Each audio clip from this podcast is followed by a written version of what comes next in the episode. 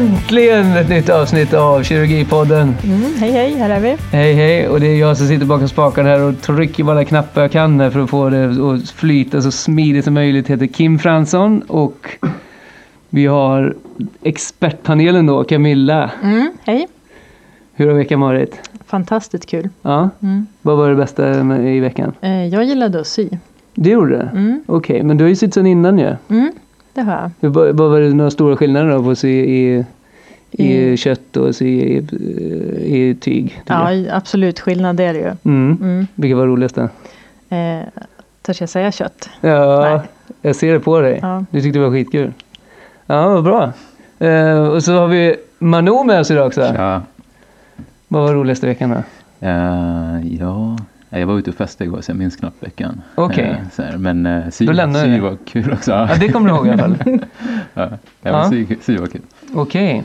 Så eh, det tycker nog jag med. Det är så kul att man får göra lite grann hands-on på läkarutbildningen. Det är ganska mycket teoretiskt annars. Mm. Ehm, och eh, jo, jag vill, vill tacka alla som har lyssnat. Det var ju otroligt kul att det var så många som, som lyssnade på det här. Vi får se om det var nyhetens behag kanske. Eller om några kommer lyssna även på avsnitt nummer två då, som kommer nu. Vi ska i alla fall göra vårt bästa för att leverera en bra podcast. Mm. Mm. Tack så jättemycket. se- ja, tusen Ja, tack. tack. Eh, och skriv gärna in eh, både ris och ros. För att vi vill ju bli eh, bättre på det här. Så vi, vi vill gärna veta om det är någonting som vi gör bra, om det är någonting som vi gör mindre bra. Så kan vi liksom eh, göra det bättre. Och vi har redan förbättrat ljudet i det här avsnittet. För det fick vi lite negativ feedback på. Mm. Så eh, vad har du gjort Camilla för att Eh, ja, jag har swishat pengar till Kim och så har han gått och köpt en till mikrofon. Exakt, så nu har vi tre mickar varsin. Så nu ska vi... Ehm, nu blir, kommer det låta riktigt proffsigt här den här gången tror jag. Och ehm, jo, så fick vi även in lite feedback på vårt språk och, och liksom vad vi har för nivå och så på podden. Och jag tror några tyckte att det var, vi använde för svåra ord, för svårt språk och några tyckte att vi liksom eh, pratade lite för enkelt, att det inte riktigt var någon utmaning att lyssna. Och det är ju en svår balansgång såklart, men jag tror ändå att vi kommer försöka hålla det ganska, alltså det blir många svåra ord, det är svårt att undvika tror jag. För att vi, dels som vi sa i förra avsnittet, vi gör ju det mest för vår egen skull egentligen, för att, för att ta till oss all, all den här kunskapen som vi blir matade med. Eh, och då måste vi lära oss de här svåra orden och då försöker vi eh, träna på att använda dem också. Så att det, blir, det, det blir nog så. Um, det vore förstås kul om man kunde göra en lite mer folkbildande insats men då, då måste man nog vara ännu duktigare tror jag än vad vi är. För att kunna adaptera hela, hela grejen. Men, eh, men ni som inte pluggar medicin och som ändå lyssnar, det, en eloge till er. Det är jättekul att ha er med så att jag vill absolut inte skrämma bort någon eller liksom tycka att ni inte ska vara med på tåget för att eh, det är bara kul. Eh, Okej, och idag ska vi då prata om anestesiologi. Mm. Ehm. Försök hålla dig vakna nu. Försök hålla dig vakna, exakt. Det, det, Okej, nu, förlåt, förlåt, nu, förstod jag, Ja. nu förstod jag det där skämtet. Ja, det Det du. tog en stund, nej, alltså, det tog en stund. Men nu trillar polletten Ja, ner. Vi ska, ju- vi ska ju prata om sömn då. Anestesiologi är ju ehm, eh, an betyder avsaknad av. Estesi betyder känsla. Så anestesi, då är det liksom känslolöshet eller avsaknad av förnimmelse kan man säga. Och det har vi när vi sover till exempel. Ehm, och eh, anestesiologi då, då har vi ju suffixet logi och logi betyder lära så alltså betyder anestesiologi läran om okänsla, o, o, eh, förnimmelse. Mm. Och ehm, eh, vad hade ni för uppfattning om anestesiologi innan vi började läsa om det här? Eh, jag tänkte nog mest bara på att man blir sövd till operation. Mm. En Ja. spruta och så är det klart. Liksom. Ja, det var samma för mig. Ja.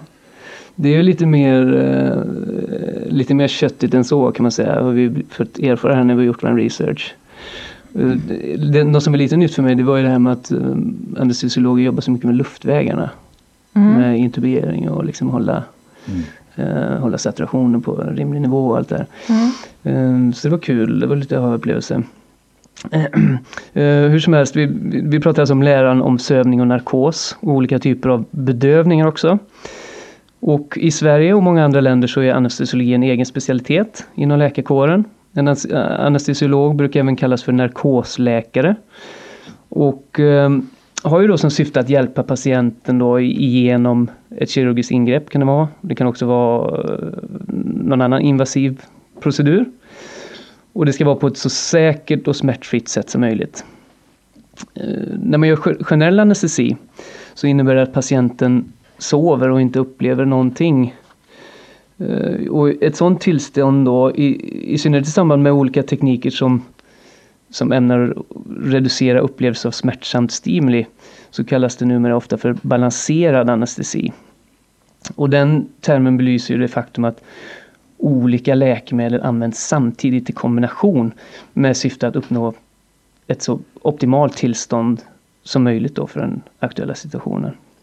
En operation till exempel. Eh, och en, en sån kombination kan till exempel vara sömnmedel, smärtstillande och muskelavslappnande. Och muskelavslappnande används ofta, ofta vid operationer. Och det kan vara för att förenkla intubering.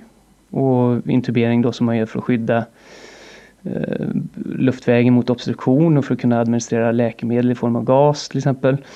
Um, och man har även muskelavslappnande för att underlätta själva kirurgin. Speciellt viktigt då vid laparotomi, alltså titthålsoperation då man eh, inte får någon rörelse alls, då rör sig hela instrumentet. Ja, just det. Mm. Eh, och, så, så, patienten är ofta totalförlamad då. Jag, jag tänkte på när jag läste om det här hur det skulle vara att vakna i det tillståndet. Man, är, man liksom vaknar ur sömnen och är helt förlamad. Det måste vara otroligt bisarrt. Ja, jättehemskt.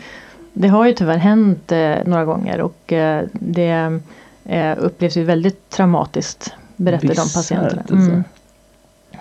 Det, men det är, nog, det är extremt ovanligt skulle jag tro. Mm. Jag törs inte gissa på några siffror men eh, som sagt det är... En per miljon ungefär. Ingen aning. Varje gång det händer är en gång för mycket. Ja, det kan vi verkligen föreläsare. säga. Um, Okej, okay. sen har vi lokal anestesi som används för lite mindre ingrepp. Och sen har vi eh, regional blockad som kan täcka lite större områden. Och då kan man inte riktigt säga att patienten är helt anestetisk. Alltså han eller hon upplever ju egentligen vad som händer generellt men det finns en selektiv medvetslöshet. Alltså patienten upplever inte riktigt vad som händer just i det området där operationen eller ingreppet pågår. Då. Här på Karolinska Universitetssjukhuset i Solna det är ju där vi håller till för det mesta. Där finns anestesiologer och de finns på COP, centraloperation. De finns på öron, näsa, hals. Ortopeden, plastikkirurgen, neurokirurgen och inom intensivvården på SIVA, CIVA, alltså centralintensivvårdsavdelningen. De finns på NIVA, neurointensiven. Eh, de de är med även i det så kallade MIG-teamet, mobila intensivvårdsgruppen på sjukhuset. De jobbar även med högspecialiserad smärta inom cancervård och traumavård etc. etc. Och idag ska vi då gå in och prata lite om anestesiologens vanligaste arbetsuppgifter och försöka få en känsla för vad specialiteten innebär i praktiken. Och vi ska prata om Uh, vi kan börja prata om preanestesibedömning som en viktig grej. Mm. Uh, vad, vad, är det för någonting Camilla? Mm. Inför anestesi så träffar man patienten för en bedömning och möjlighet att reducera riskfaktorer. Eh, det kan vara kardiovaskulära komplikationer som är den vanligaste orsaken till både morbiditet och mortalitet. Det här är också ett bra tillfälle att informera patienten och fatta beslut i samråd. Eh, när man eh, undersöker patienten då så går man igenom kardiopulmonellt status. En bra fråga till patienten är om de orkar gå två trappor utan att stanna. Eventuellt så gör man det tillsammans med patienten. Eventuell hypertoni bör vara välinställd. Om de uppger anamnes på anginabesvär eller har haft tidigare infarkt kan man ta ställning till arbetsprov och koronarangiografi. Hjärteko kan man beställa vid tecken på nedsatt hjärtfunktion. Och lungproblem och rökning är också viktigt att ha med i preanestesibedömningen. Vidare går man igenom läkemedel och då är eh, ACE-hämmare och antikoagulantia, till exempel Varan och Noac, eh, som man behöver sätta ut. Men annars så försöker man behålla patientens behandling i så stor utsträckning som möjligt. Det är jätteviktigt att ta upp allergier, både mot läkemedel men även övriga allergier. Och sen planerar man eh, postoperativ smärtstillning och behandling mot illamående och kräkning efter ingreppet. Man kan också ta det här tillfället att diskutera premedicinering. Så då går jag in på, på nästa steg. Då går vi in på premedicinering då. Mm. Eh, om patienten känner sig väldigt orolig och stressad inför sövning och det här ingreppet som ska göras. Då kan man premedicinera med ångestdämpande. Därför att det har visat sig att ångest innan sövning ger ökad risk för smärta postoperativt. Det där är, det är intressant. Mm. Det är lite svårt att här, förstå direkt vad det beror på. Mm. Det kanske man inte riktigt vet men, men däremot erfarenheten då säger att det är bra att, att eh, behandla det. Mm. Eh, så vid behov peroral bensodiazepiner. Okej. Okay. Mm. Kan jag bara lägga till det? Jag har, jag har en lista ja, på lite andra vanlig, vanlig premedicinering då kan man säga. Man kan ge eh, H2-antagonister, till exempel ranitidin för um, uh, alltså acid aspiration prophylaxis.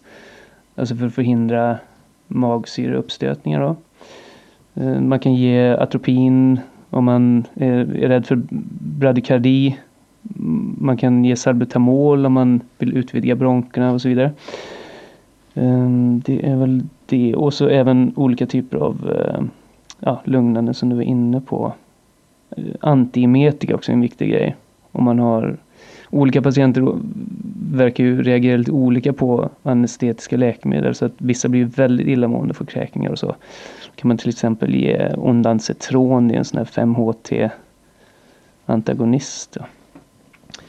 Uh, Okej, okay, så ska vi prata lite om luftväg då Mano? Mm. Då har man gjort sin, eh, sin bedömning och nu är det dags att söva patienten och de ligger där på eh, operationsbordet och då har man lite olika metoder man kan ta tillväga eller olika verktyg som eh, anestesiologen använder. Vanliga metoder är då maskventilation, en larynxmask eller om man väljer att intubera. Då. Ehm, skillnad på metoderna är väl maskventilation och larynxmask kan man använda vid lite kortare ingrepp. Ehm, och sen intubation vid lite längre ingrepp och eh, också skillnad i hur, hur långt ner de sitter. Då. Ehm, intubation sitter långt ner i luft, eller förbi stämbanden medan mask bara sitter utanpå. Om vi går in lite närmare, maskventilation som sagt är bra vid kortare ingrepp. Eh, till exempel vid elkonvertering. Eh, samt eh, så gör det också det varje gång du ska intubera, så, eller oftast. Så när man ska inducera där så använder man maskventilation. Det man kan säga om den, eh, det är lättare om man ser på en bild men den kräver att man använder båda händerna. Vid ena handen så håller man själva masken som sluter tätt då, eh, över näsa och mun. Och så är det viktigt att man sluter tätt där och sen så vinklar man också upp av hakan för att ha fri luftväg. Och så med andra handen då, så har man en sorts eh, blåsa då, som man ventilerar med, trycker ihop och ventilerar med. Eh, nackdelarna med, med den här metoden är att det finns en viss bundenhet. Så i, och man, I och med att man håller i masken och ventilerar samtidigt så kan det vara svårt att dokumentera till exempel. Det kräver vana. Man eh, ska inte ventilera för mycket, man kan ventilera ungefär till en liter men normalt andas vi ju i ett andetag på 400 milliliter. Och eh, om man ventilerar för mycket så finns ju risk att man trycker in luft i mag, magsäcken och får upp maginnehåll och sen så kan det gå över i luftstrupen och orsaka tråkiga pneumonier, aspirationspneumonier. Och så. Vi, vi har ju en uh, gammal pokerspelare i klassen ju. Uh, Han kanske ska bli uh, anestesiolog då. Han är väldigt bra på att hålla masken. Vad tror ni om det? Ja. Ja, vi går raskt vidare. Larensmask. Eh, det är då, den sätter man lite, den sätter man in i munnen och så man kan beskriva hur den ser ut eh, också där, kan man kolla upp på bild. Men det är en luftrörstub Varav på ena änden som man för in främst då i munnen och ner för halsen sitter det som en typ en pussmun. Skopa, eller hur skulle ni beskriva det? Ja, det, ser det faktiskt ut lite så. Ja, ja det låter ju bisarrt. Ja. Den kan man då, den så här, blåser man upp då så formas den ut med halsen. Liksom, och sen så för man ner den så att den täcker själva utgången för luftstrupen. Och så. Fördelen är att det är en relativt smärtfri metod. Patienten kan spontanandas. Inte samma bundenhet som maskventilation, så när den väl sitter så kan du dokumentera och ge läkemedel och liknande. Eh, nackdelen är att eh, trots att den sitter där så är det ingen säker luftväg. Det kan fortfarande sippra upp maginnehåll och så. Eh, så jag vet inte, man kanske inte ska ha en längre, längre tid så att säga. Till både det här maskventilation och eh, laringsmask så kan man ju så kan man koppla på syrgas och anestesigas så att säga. Intubering. Eh, och intubering då, som ni känner till, då för man ner en endotrakealtub förbi stämbanden. Eh, och så ska den sitta där. Eh, man kuffar upp, vilket innebär att man blåser upp eh, en liten ballong eh, som sitter på ena änden, då, den distala änden förbi stämbanden. Eh, och när man har gjort det så säger man då att man har en säker luftväg och det är det som är då fördelen. För då, det medför en liten risk för aspiration. så att säga. Och då kan man också lägga patienten i andra lägen på sidan eller magen och man kan ge muskelrelaxantia. Eh, andra saker, kontrollera ventilator, det ger möjlighet till kontrollerad ventilatorbehandling, övertrycksandning. Eh, och sen så är det också minimalt läckage av anestesigasen. Vissa personer kan vara svåra att eh, intubera men också andra personer kan vara svåra att ventilera. Uh, ventilations vad ska man säga, prediktir, prediktorer för att det kan vara svårt är till exempel ålder. Kan, menar, huden kanske är lite slappare, jag vet inte. Men ålder över 55 brukar man säga. Om det finns skägg så kan ju maskventilation ha svårare att sluta tätt. Om man snarkar, om man har BMI, ja, är överviktig, ja, tenderar halsmuskulaturen att falla samman. Och om man inte har ja, tandlöshet. Liksom. Så, också. Så, så både snarkning då och BMI över 26 kanske är för samma mekanism att man har att man verkar ha någon slags överskott på vävnad då som, som riskerar att obstruera så man inte får in, får in luft riktigt. Antar jag. Ja, jag tror det. Mm. Um, Ehm, sen vi, när man ska intubera så finns det prediktorer för det också och ehm, då finns det till och med en skala. En skala som heter malapatiskalan. Eh, kan inte gå in närmare på det, men den innehåller då fyra steg eh, där man graderar. Man sitter framför patienten, man tittar in i munnen och så beroende på vad man ser, eh, om man bara ser hårda gommen eller man ser bakre svallväggen så eh, är det mer positivt om man kan se bakre svallväggen. Och så. Om man har stel nacke, om man har eh, ett kort turomentalt avstånd är också prediktorer för att det kan vara svårt att eh, intubera. Och det här tar man hänsyn då till så här, i sin pre, prebedömning så att säga. Okej. Okay. Om vi då ska snacka lite om induktion då som en väldigt viktig punkt. Man delar ju in eh, själva den huvudsakliga anestesin då i induktion, underhåll och vad säger man, avslut eller? Mm. Och eh, vid induktion då så är det viktigt att man har koll på monitorering. En väldigt viktig eh, grej. Vi har en standardmonitorering då med eh, till exempel saturationsmätare. Vanlig pulsoximetri brukar det nog vara. Som sitter på fingertoppen eller örsnibben eller någon annanstans. Som mäter syremättnaden då i HB. Mm, vi har ett EKG som monitorerar hjärtats elektriska aktivitet och man kollar väl förmodligen efter eh, arytmi i första hand. Och eh, vi har en non-invasiv blodtrycksmätning i vanliga fall. Eh, en, en IBP som är en vanlig blodtrycksmanschett då. Som, ja, en sån som man ser på, på akuten och på vårdavdelningar som mäter blodtrycket med jämna intervall. Så att man får ett uppdaterat blodtryck. Sen kan du trycka på en knapp också så mäter den om du vill, om du undrar liksom. Sen har vi kaptografi som är viktig. Där ser man att det kommer eh, eh, kapno, heter det? koldioxid. koldioxid. Och eh, det är viktigt att se hur mycket det är.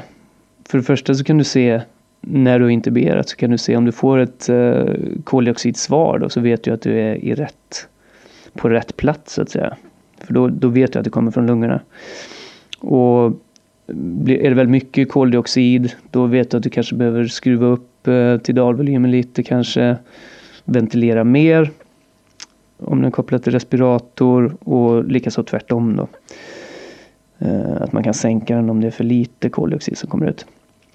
Och eh, anestesigasmätning, där har vi eh, uh, noggrann mätning av de läkemedel, alltså de gaser som man tillför då i, i andningsluften.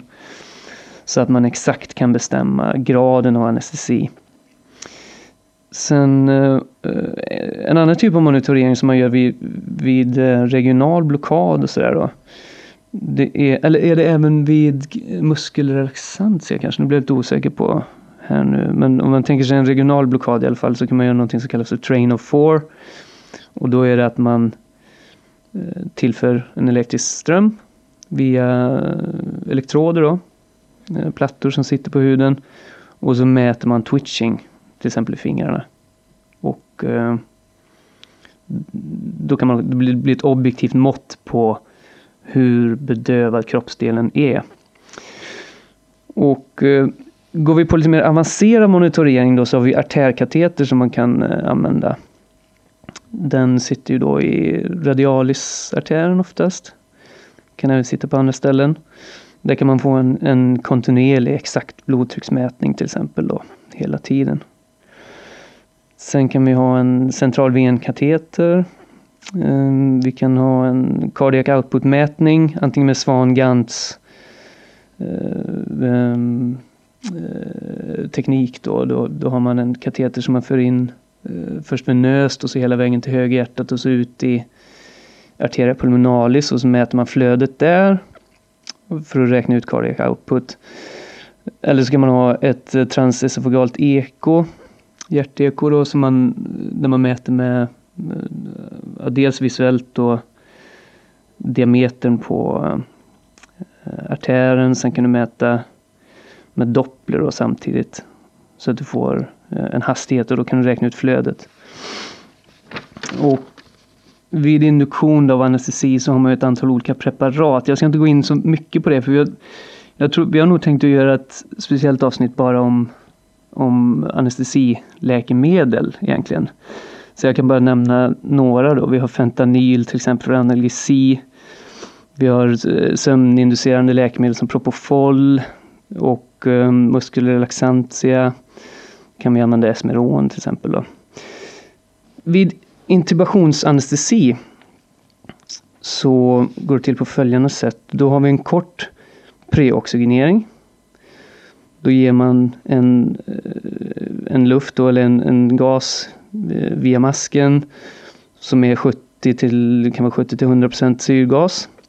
Så att man mättar då eh, du kan ju inte mätta blodet speciellt mycket. Det kan, det kan inte bli så mycket mer än 100% i saturation. Men däremot så kan du få en, en reservoar av en, en hög koncentration syre i, i lungorna då. Och sen tillför vi eh, Propofol. Och det kan också vara eh, tiopental, eh, pentotal ska det heta. Och vi kan använda en opiat samtidigt. Och då somnar patienten och vi får en kort apné, alltså ett andnings, andningsuppehåll. Och då kan man ge muskelrelaxantia och plus ytterligare sömnmedel.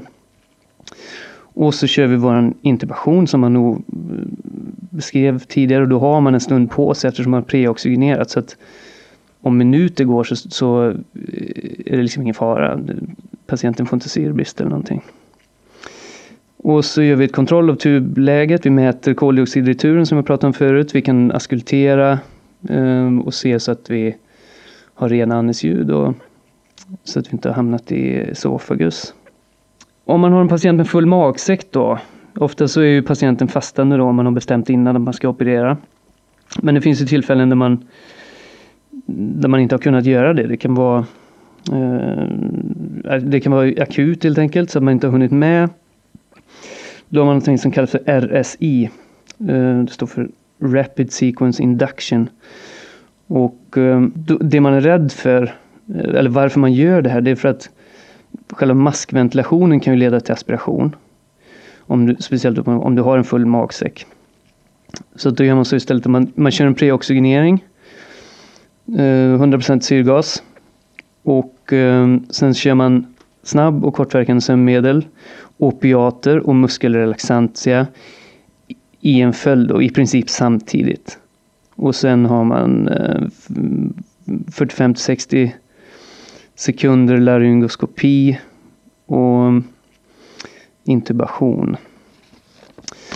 Eh, så sen när man väl har fått dit eh, eh, tuben så att säga, då, då är ju risken för aspiration väldigt låg. Då. Eh, det kan vara eh, när man vill göra sådana här RSI, det kan vara till exempel vid Ilius. Då spelar det inte så stor roll om patienten fastar, du kommer ändå ha ett mageninnehåll eftersom du inte har någonstans att ta vägen. Då. Det kan vara vid trauma. Eh, patienten kommer in akut och eller något annat som händer en patient som nyss har ätit men som har fått någon typ av akut tillstånd. Um, Ehm, och eh, det finns ju en viss risk med, med RSI jämfört med vanlig induktion. Om, eh, om man till exempel eh, det visar sig bli en svår intubation så kan det bli så att man tvingas ventilera ändå med mask. Och då, då har man en stor aspirationsrisk. Och om luftvägen är svår så upptäcker man ju det vid, liksom i ett senare stadium i, i processen. Och i värsta fall så hamnar man i en riktigt mardrömssituation då, att man, liksom, man kan inte ventilera och man kan inte intubera. Och då är det förstås risk för allvarlig hypo, eh, hypoxi. Okej, okay, men om vi säger att vi lyckas med en induktion så ska vi underhålla det här och hur gör vi det Camilla? Mm. Eh, det kan man göra intravenöst eller med inhalation.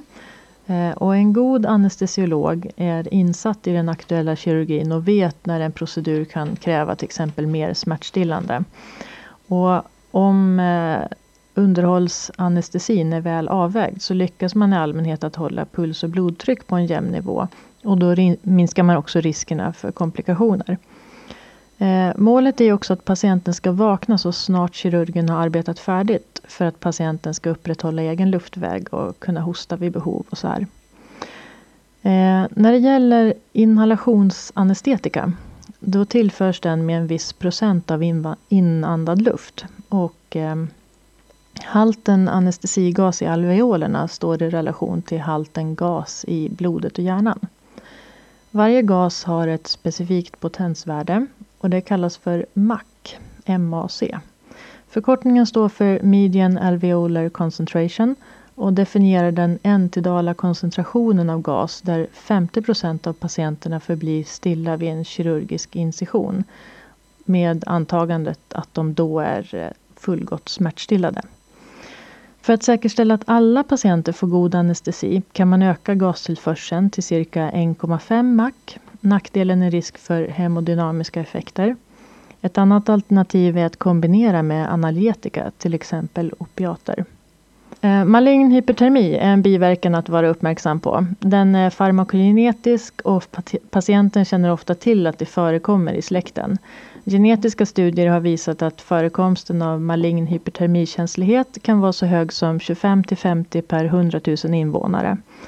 Årligen inträffar mellan 10 och 20 misstänkta maligna hypertermireaktioner under narkos i Sverige. Det är något vanligare hos män än hos kvinnor. Och det kan vara bra att känna till att tidigare anestesi utan denna biverkan inte utesluter att det kan hända vid nästa anestesi. Mekanismen är i alla fall en hypermetabolism av anestesigas eller succinylkolin. Och symptom och tecken är ökad koldioxidproduktion och tachyarrytmier. Den ökade metabolismen kan så leda till rabdomyolys och hög feber som i, i värsta fall får dödlig utgång. Behandlingen är att avbryta tillförsel av utlösande agens, kyla ner patienten och ge antidoten Dantrolen. Manu, berätta för mig. Jag spricker av nyfikenhet uh, inför regional blockad. Uh, ja, re regional blockad Eh, till skillnad från eh, generell anestesi så innebär det att man med lokal anestetikum blockerar sensoriken och motoriken till och från ett begränsat område istället. Och eh, det, det, kan kombineras samtidigt med sedering eller alltså generell anestesi om patienten tycker till exempel att det är obehagligt och så. Det man gör är att man eh, injicerar antingen det lokalt under huden eh, eller så blockerar man då specifika nerver eller runt hela nervplexa eh, Eh, som brachialis plexa till exempel. Eh, och då blockerar man också hela nerven eller nervernas utbredningsområde. Om du väljer att säga att du ska ta bort något nervus eller liknande och ska eh, sätta lite lokal anestetikum under huden, då är det viktigt att du aspirerar först. För det, de här, det är väldigt farligt om du får in det i blodet och systemkretsloppet. Då. Så då kan du, du kan få toxiska effekter och du kan få epileptiska kramper, andningssvikt, arytmier och det kan leda till död till och med. Eh, själva verkningsmekanismen eh, är blockering av spänningskänsliga natriumkanaler. Kommer ni ihåg eh, termin 3, neuro? Ja, ja lite grann. Ska, jag, ska jag, nej, jag behöver inte repetera då. Ja, men vi tar det i specialavsnittet. Då. Ja, det kan vi göra. Mm. Det kan vi göra. um, uh, men så du blockerar alltså själva neurotransmissionen. Så du bara hugger av den så att säga. Uh, medel som man kan använda är lidocain, även kallat xylocain, mepivakain eller bupivakain. Man, man använder inte kokain längre. Det var ju bland de första tror jag man, man använde. Mm. Har ni sett uh, The Nick? Nej, jag har inte sett det. Nej, jag har inte gjort det. Kommit, nej. Den star rekommenderas starkt av mig. Det, det är mm. jätteintressant. Man ser liksom, det, det, det är slutet av 1800-talet tror jag. Mm. Så man får se liksom många av första gångerna som, som man genomför olika ingrepp. Bland annat spinal bedövning. Då kör de ju med, med kokain. Det är, kokain är lite bättre på så sätt att det är inte vasodilaterande utan snarare tvärtom. Nu får man ofta tillsätta adrenalin till mm. till exempel lidocain för att, mm. för att motverka vasodilatation. Men, uh, ja, men det, det används ju inte längre. Uh, ja, vi kan, flera alternativ. Ryggbedövning också, regional blockad. Då kan du använda det av eh, säga, epidural eller spinalblockad. Eh, typ av. Eh, och det kan man använda om man ska göra lite större kirurgiska ingrepp på nedre delen av kroppen. Eh, vid spinalanestesi så använder man en tunn nål. Eh, och så går man igenom själva hjärnhinnorna i eh, lumbal rygghöjd. Ehm, själva, själva ryggmärgen slutar ju vid ja, kota 12 eller L1 och så. Så du vill hamna nedanför där. Så går du hela vägen in till eh, eh cerebrospinalväskan och så ser du så att du träffat rätt. Du ser att det droppar ut lite vätska och sen så eh, sprutar du in lokal anestetikum. Fördelen med det är att det är ganska tekniskt lätt att anlägga. Det slår till snabbt inom några minuter och man bedövar alla segment nedom området där. Eh, alternativet är epidural anestesi och eh, då lägger man då alltså epi ovanför duran. Så alltså Eh, då använder man en grövre kanyl och det man gör är att man sätter en kateter istället. Eh, fördelen med det är att man har möjlighet att ge tilläggsdoser och så kan man bedöva under en längre tid. Det har lite långsammare tillslag, i 15 eh, till 30 minuter sådär. Det är det man ofta använder vid förlossningar va? Ja, just det, mm. exakt. Och ja, tillägg till det som du sa, båda de här metoderna gör ju så att du får alltså, en blockad av sympaticus och så. Så att du kommer få en så här eh, sänkt eh, vasotonus eller vad man ska säga. Eh, eh, och med det så kan du få blodtrycksfall. Så det gäller att man behöver monitorera det. Mm. Och så alternativt så kan man ge, ger man då vätska eller så ger man vasopressorsubstanser som efedrin. Liksom. Eh, och sen så påverkar det också sfinktertonus. Okej, okay. um, det var det om eh, regional anestesi. Om vi snackar lite uppvaknande och postoperativ vård då Camilla? Mm. Man ska komma ihåg att uppvaknandet kan vara lika farligt som induktionsfasen och därför ska man inte väcka patienten ensam. De komplikationer som kan tillstöta är kräkning med aspiration, laryngospasm, restkurarisering, alltså kvarstående effekt av muskelrelaxantian och eh, agitation kan också förekomma.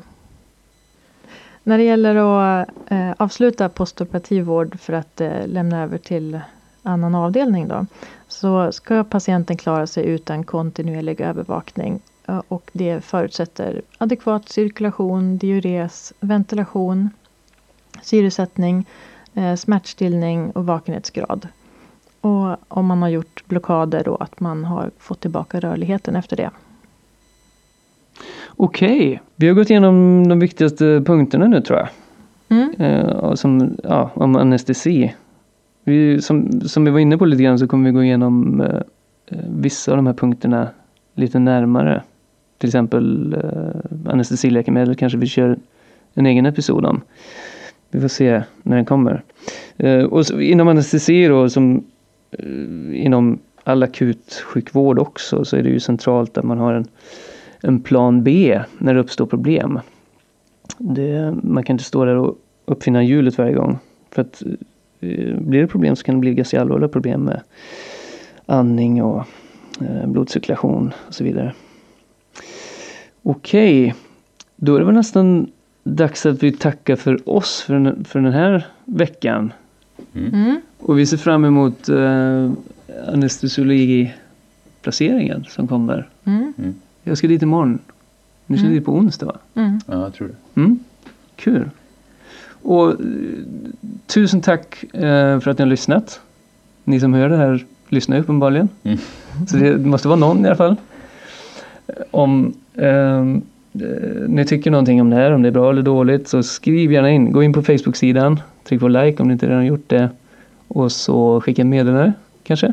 Mm. Och så kommer vi ta till oss av ris och ros. Och eh, kom ihåg när ni går där ute på avdelningarna att eh, som Ajmal Khan sa ni kan ordbajsa hur mycket ni vill men ni måste bajsa rätt. Hej då!